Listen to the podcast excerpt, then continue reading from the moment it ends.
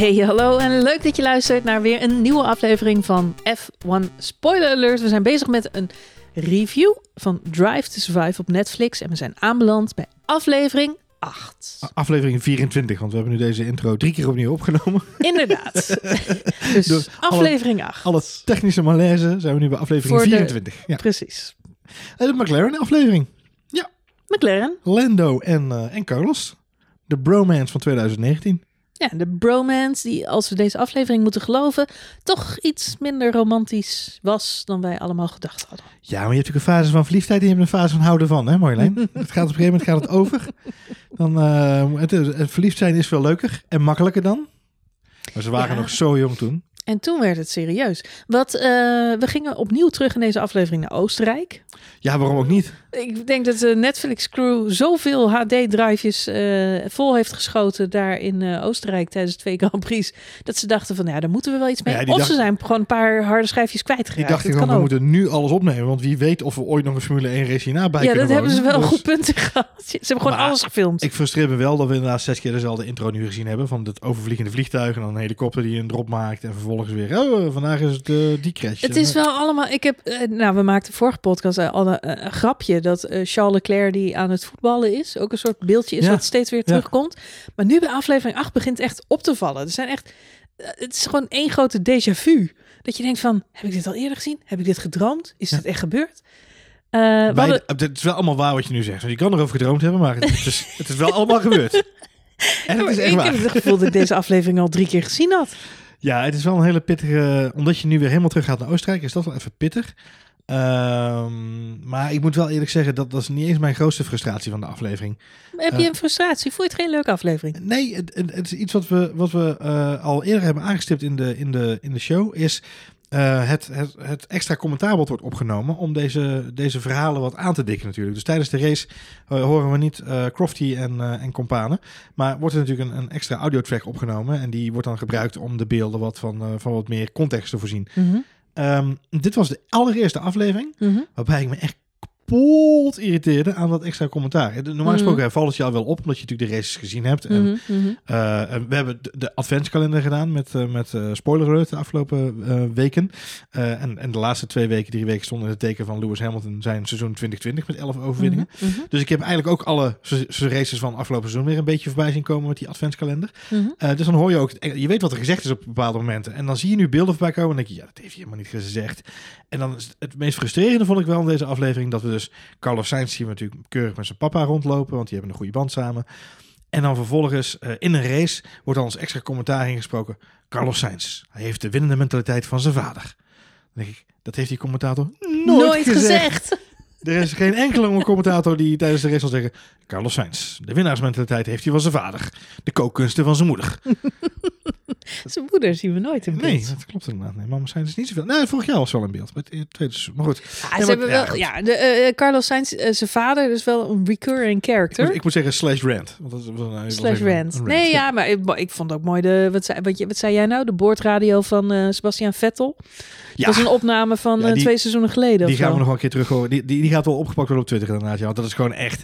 Het is, het is zo'n opvallende... Het is uh, Mijn Good moest dat zijn. Eh, en ik, ik, jij hebt zelf wel eens meegewerkt aan een documentaire, kan ik me nog Mhm. herinneren. Oh ja. Eh, jij bent natuurlijk Dat de- klopt. Jij bent naar de Noordpool geweest, naar Ja, Spitsbergen en, eh, en beyond. Eh, en ik, ik weet nog dat wij toen Voor de eh, EO. I- Ja, nou ja, dit- toch, dat was een mooie documentaire, Marjolein. Mhm. Ehm, eh, en, en een mooi project. En een mooie ervaring. Maar daar gaat het nu niet over. Waar het wel over gaat, is jij was daar op zo'n, eh, op zo'n op uitnodiging van de productiemaatschappij. Mocht toen de eerste beelden terugkijken. Ja. En uh, je hebt toen zelf, je bent een, volgens mij anderhalf Een een week. screening. Je bent een week weg geweest volgens mij. Ja. Het was niet eens een screening, want ze waren nog aan het monteren. Dus het waren alleen maar de eerste Ja, dat klopt. de eerste beelden die we toen zagen. En ik weet nog dat die editor toen zei van... ik heb hier een harddrive en daar staat... ik geloof 4 terabyte van... dat was dan van een halve dag of zo, weet je wel? Dat was van 4 terabyte data. Mhm. En hetzelfde geldt bij McLaren. Dan maken ze elk weekend van die mooie toffe filmpjes. De Unbox heet het geloof ik bij McLaren. Mhm. Eh, eh, en dat is eh, die, die videocrew die dat maakt, die heeft ook al eens een keer gezegd: Ja, we hebben hier nu een schijfje van, van 8 terabyte. Maar dat is eigenlijk van, van de kwalificatie en van de vrije training. En dan moeten we de rest van het weekend nog monteren. Met andere woorden, er wordt nogal veel beeld geschoten tijdens zo'n weekend. Ik kan me zo voorstellen dat ze bij deze crash is een boordradio van Charles Leclerc. En daarin zegt hij inderdaad: I got hit from the side. Ik kan me zo voorstellen dat er een, een, een editor heeft zitten slapen. En dat hij aan het zoeken is gegaan in de audiobank naar waar de audio was die daarbij hoorde. En dat hij uitgekomen is bij, met zijn half de slapende oren. Mijn good moest dat zijn. Want het klonk wel een beetje als I got hit from the side. Maar het was het niet helemaal. Maar slordig was het wel. Ja, het, het doet me een beetje denken aan het koffiebekertje... wat ooit nog in beeld stond bij Game of Thrones. Dat, Of de, eh, nee, ja, dat, dat was de, ja, de Starbucks eh, beker was dat inderdaad. Ja. En de, wat was nou de Pepsi fles bij, eh bij Downton Abbey ooit inderdaad. Ja. ja. Dat is raar. Wacht even. Die draaien we om. Als jij nou Downton Abbey vertelt, dan doe ik Game of Thrones. Nee, nee, nee, dat kun je niet meer terughalen. Nee. Ehm, ja, nee, ja, ik, maar goed, los van, de van de vorm. Want, nou ja, ik, eh, eh, laatste dingetje, maar ehm, het valt mij wel op. En ik weet niet eh, of er veel van onze luisteraars al op eh, Clubhouse eh, zitten. Op Clubhouse is natuurlijk ook wel de nodige activiteit rondom eh, Formule 1. Er zijn een aantal eh, Nederlandse Formule 1 eh, rooms, ja, ja. rooms eh, waar wij ook wel eens eh, in zitten of in te horen zijn. Maar ehm, er is ook een hele actieve Amerikaanse Formule 1 eh, community. Ja. En ik heb me ook aangesloten bij zo'n club. En, ehm, maar ik zit daar wel eens mee te luisteren. En het is best wel grappig. Eh, ehm, Amerikaanse Formule 1 fans die kijken toch weer heel anders naar de sport dan wij. En het is nog steeds niet zo groot in Amerika als dat ze zouden willen. Ze hebben wel heel hard hun best gedaan om het groter te worden. Maar het is wel grappig om te zien. Dat zie je trouwens ook op Twitter, als je Formule 1 Twitter een beetje volgt. Eh, ik heb zelf heel veel Engelse in mijn tijdlijn Mhm, altijd. Ik ja. volg heel erg de Engelse eh, Formule 1 eh, media. Duitsland heeft natuurlijk ook zijn eigen scene. Maar Amerika is weer iets anders. Die zitten ook allemaal op Reddit met alle. Er zijn heel veel Reddits en Ja, subreddits Ja, over Formule 1. En het valt, ja, iedereen heeft een beetje zo zijn eigen angle waarop Eigen- ze, hoekje van het internet. ja, waarop ze deze sport aanvliegen. En het valt me wel op dat de Amerikanen altijd nog een beetje, of ze zijn altijd met details bezig waarvan ik denk dat doet er niet zoveel toe, of dat is niet zo belangrijk, of eh, maakt niet uit. Ja, ik, en, en dat misschien dat deze serie vooral voor de Amerikanen gemaakt wordt, vraag ik me toch een beetje af. Het is Netflix is natuurlijk Amerikaans, Ja. Maar de manier van storytelling, het, ja, het heeft, in, het heeft iets. Nou ja, Amerikaans. En eh, goed, dat zien we ook in deze aflevering van McLaren. Ze zoeken Ja. natuurlijk, hey, je hebt Zac Brown, dus de Amerikaan. Ehm, Ferrari. Ferrari. Ja. Nee, altijd leuk om, om Zack in beeld te zien. Maar het gaat. Nou, het, eh, wat, ik, wat ik dan bedoel met de Amerikaanse engel, dat is dat ze in deze aflevering echt wel een verhaaltje eh, aan het neerzetten zijn van eh, de rookie Lando Norris en zijn teamgenoot Carlos. Sainz, die dan al wat meer ervaren is. En Lando zit dan in zijn tweede seizoen. En Carlos die heeft eigenlijk het begin van het seizoen, de eerste helft van het seizoen, heeft hij veel pech. Eh, en is Lando eigenlijk betere van de twee. En daarnaast gaat Carlos naar Ferrari. En dat zou ook behoorlijk hun onderlinge relatie onder druk hebben gezet. Ja. Ehm, en ik denk dat dat ook wel zo is. Tuurlijk, dat is altijd zo. Ik denk ook wat Zack Brown zegt, ben ik heel erg met hem eens. Eh, De eh, ehm, onderlinge strijd is heel, heel, heel gezond, zegt Mhm. hij in een van de quotes. Eh, Will Buxton zegt, the gloves are off, weet je. En dat, dat kun je echt wel merken dit seizoen. De lol is een beetje aan de kant en er moet gewoon gewerkt worden. Ja. Maar dat is voor mij nog geen verhaal, want Nee. dat is Formule 1. dus ik, ik, ik snap niet helemaal. Het is een beetje spijkers op laag water zoeken. Ik Ja. denk, ja, ja, dit is in elk team. Dit is, ja, Het hoort erbij. Ja. het hoort, ja. En ik weet niet of dat nou... eh, En ik weet niet of het nou echt sec veel onvriendelijker was dan het jaar ervoor.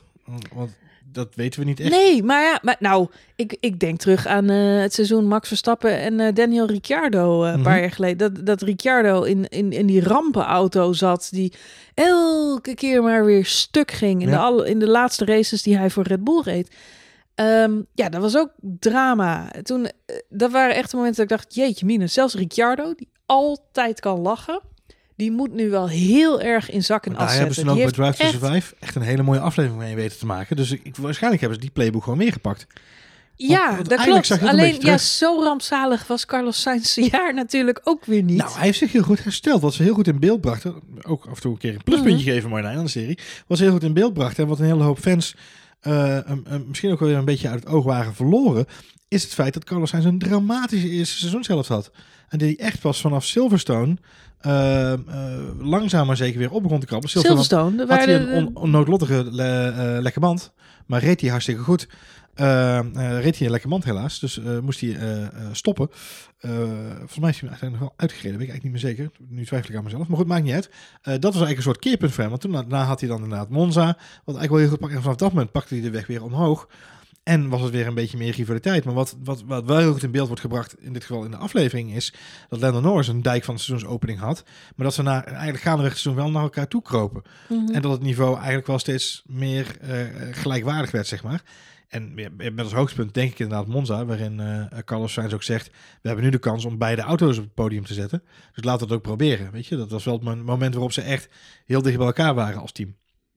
Dus ik denk, weet je, het is, uh, uh, hij had gewoon niet zo'n heel best seizoen. Niet zo rampzalig als Daniel Ricciardo in uh, zijn laatste jaar bij Red Bull qua pech. Maar het was geen, geen beste opening voor Carlos Sainz. En er wordt natuurlijk ook nog een beetje de suggestie gewekt dat hij verkeerd gegokt heeft. Ehm, ja, zouden wij nooit doen. Dat zouden wij nooit suggereren. Dat nee. het stomme keuze is om naar Ferrari te gaan. Nee, we zouden andere woorden gebruiken. Want dat is het gewoon, dus Precies, hoef je ook niet te ja. suggereren. Nee. Maar uh, nee, maar uh, uh, daar, dat is natuurlijk een beetje twee, het onderliggende verhaaltje. Hij gaat naar Ferrari. En is dat nou wel of niet een stomme keus? Nou, daar kun je het lang en breed over hebben. Maar in de ogen van Lando Norris is het dat wel. in de ogen van veel andere mens, mensen bij McLaren is het dat denk ik ook. Want Mhm. hè, er worden die paar quotes die ze hebben, die daarover gaan, die worden ingezet in deze aflevering. Um, ik denk dat, uh, dat dat zit me het meest dwars. Ze proberen een verhaal te maken in Drive to Survive, maar soms is het materiaal wat ze hebben net iets te dun om Ja. de case te bouwen. Ja, ja. En dat, uh, ik vond het een hele leuke aflevering, maar het is, uh, is het, ja, ik denk dat Carlos Sainz zelf daadwerkelijk geen greintje spijt heeft van het feit dat hij naar Ferrari gaat. Nee, ja, dat zegt hij ook, uh, dat zegt dat hij ook, zegt heel hij ook duidelijk. en ik geloof dat ook. Hetzelfde als dat hij um, uh, natuurlijk de overwinning op Monza uiteindelijk net niet pakt. Waar ik overigens nog steeds wel blij mee ben. Want ik vind echt dat, dat Gasly hem harder nodig had en, uh, en meer verdiende Mm -hmm. in, in, in die specifieke wedstrijd. Ja. Uh, waarbij ik ook nog steeds denk, nou, Carlos Sainz moment komt hopelijk nog wel. Ja, maar aan de andere ja, het is wel even de vraag wanneer. Want Ferrari, ja, het ziet er gewoon niet best uit. Ook voor dit seizoen weer. En ook, ja, het is ook wel een rood draadje in, in seizoen 3 Drive to Survive. Maar man, man, man. Ferrari op de 14e, 15e, 16e, 17e plek. Ja, ja. Vechtend met de Williamson. We kunnen het ons allemaal nog goed herinneren. Maar het wordt wel heel pijnlijk duidelijk. Ook in deze Netflix-serie. Ja, ja het, het, ook dat is weer een, een typisch gevalletje van laten we iets uitvergroten om voor de mensen duidelijk te maken hoe groot de, de malaise kan zijn. Hè? Dat is ook weer een emotionele uitvergroter.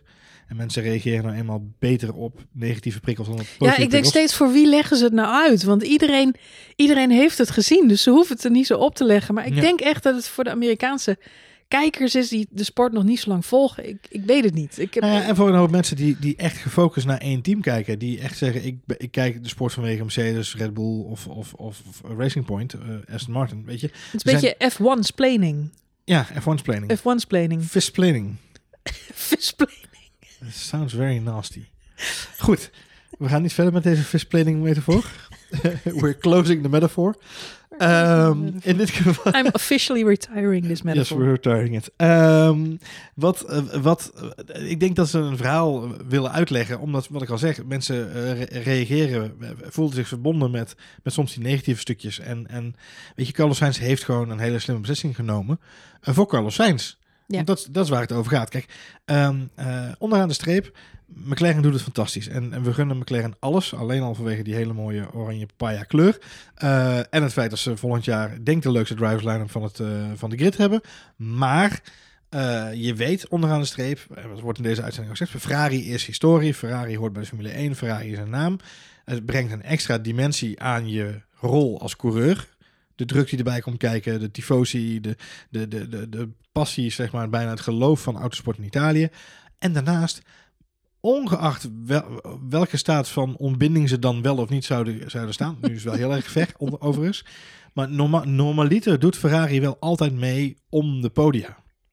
Weet je, het afgelopen seizoen was een, was een anomaly. eh, en, en hij komt al vaker voor in de, in de hiaten van de sport. Er zijn al meer jaren terug te zoeken waarin Ferrari middenmoot was. Of misschien net zelfs daaronder. En misschien net maar net daarboven. Maar feitelijk gezien, door de bank genomen de afgelopen decennia, in die 70 jaar, is Ferrari wel altijd een contender geweest voor podia. Meer dan McLaren. Eh, eh, misschien wel. Uh, ik denk dat, het moeilijk is om er zo naast elkaar te gaan leggen.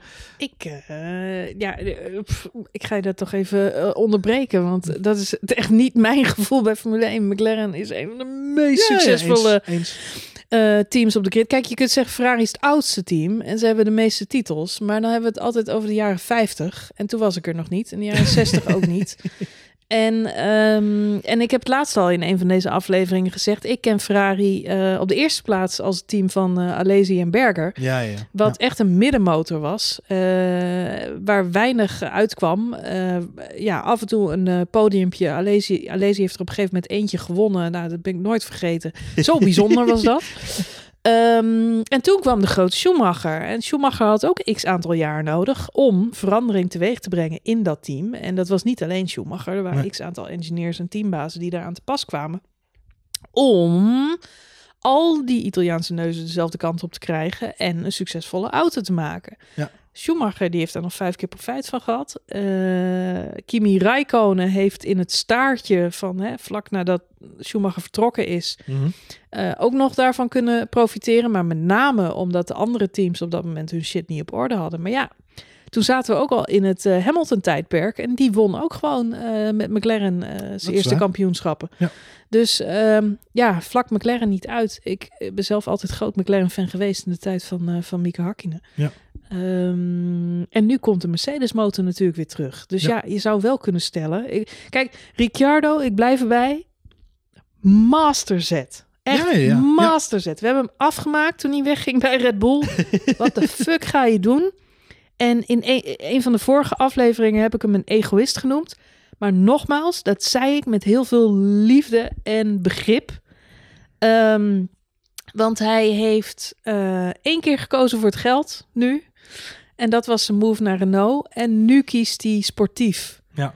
En, en ook wel, denk ik, met, um, uh, met zijn racehart.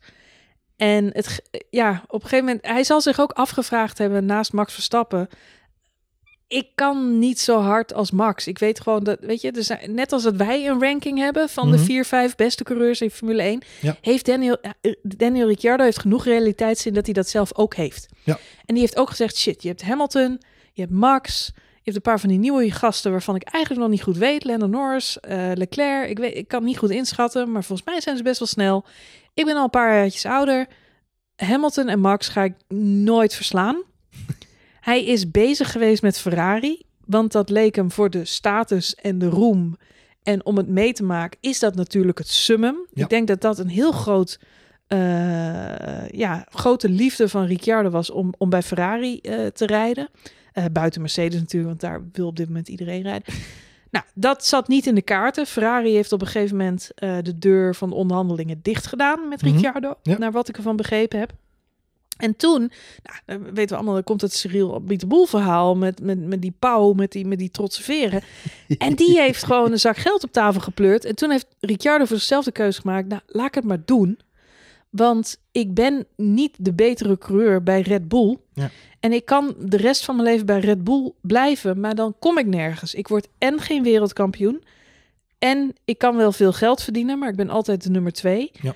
Um, plus, ik denk dat Renault sowieso een beter offer op tafel heeft gelegd. Dus hij heeft gezegd, nou ja, dan ga ik maar voor de centen. Plus, ik moet mezelf ontkoppelen uh, uit deze relatie, want het is niet goed voor me. Dus hij heeft afstand genomen van Red Bull. Ik begrijp dat nu twee jaar later. Ik begrijp het nu beter. En op het moment, en dat zie je in deze aflevering, dat Carlos Sainz de keuze maakt, ik ga wel naar Ferrari. Ja. Want uh, ja, nou, Ferrari heeft gewoon Sainz uh, een aanbod gedaan. Uh, hem uitverkoren eigenlijk uit, uit het huidige grid. Om, om, om over te nemen. En Vettel aan de kant gezet. is allemaal niet netjes gegaan. Maar goed, zo was het. Zo gaan die dingen, ja. En op dat moment heeft Ricciardo gewoon gezegd, McLaren. En vergeet niet dat Ricciardo altijd bezig was met... Hij heeft in interviews ook vaak gezegd... Eigenlijk wil ik diezelfde move maken als die Hamilton toen heeft gemaakt toen hij naar Mercedes ja. ging. Mm -hmm. En toen Hamilton naar Mercedes ging, dacht iedereen verklaarde hem voor gek. En iedereen dacht van, waarom zou je in godsnaam uh, naar een noodlijdend ja. Mercedes-team uh, gaan? Want die waren echt niet goed toen. Um, en dat heeft hij toch gedaan. En uiteindelijk zijn die nu al x aantal keren wereldkampioen. Dus uh, dat was op het juiste moment juiste keuze. En Ricciardo was daar ook altijd heel erg mee bezig. En ik denk dat hij nu op het juiste moment de juiste keuze maakt. Ja. Nou ja, dat, dat denk ik ook wel inderdaad, ja. En, en ik denk dat het voor eh, McLaren ook de beste keuze is, onderaan de streep. Om, om... Dat weet ik nog niet. Nou ja, Daar twijfel ik echt nog aan. Want zoals Ja. we in deze aflevering eh, zien.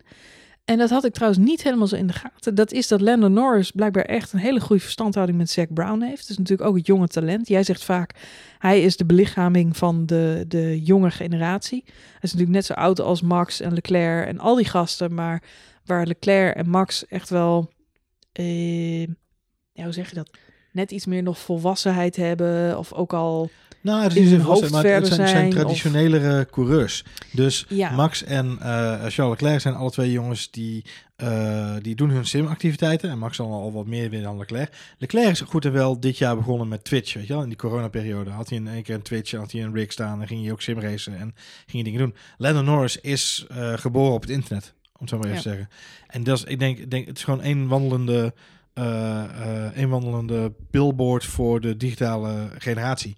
Ja. En ik denk dat dat heel erg eh Zac Brown aanspreekt, omdat hij weet dat hij daarmee eh, een jongere doelgroep aan kan spreken met zijn merk en met zijn Formule 1 team. En daardoor de, de sport ook langer interessant kan maken onder een jongere doelgroep. Ik denk dat dat voor hem heel belangrijk zal zijn.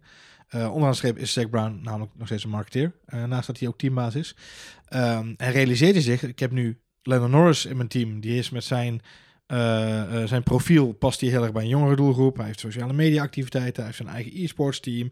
Hij ontplooit allerlei viral dingetjes. Helemaal goed, hij ontwerpt zijn eigen kleding, heel erg hip en modern.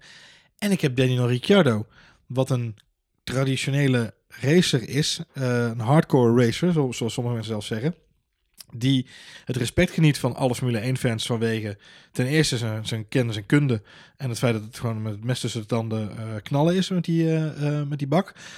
Ten tweede altijd vriendelijk en lachen en, en een vrolijke noot is in, in de paddock. En dat is voor veel traditionele Formule 1-fans eh, een hele fijne en, en welkome aanwinst binnen zo'n team. Dus ik denk dat hij gewoon op dit moment in dat opzicht de best of both worlds heeft naar de buitenwereld toe.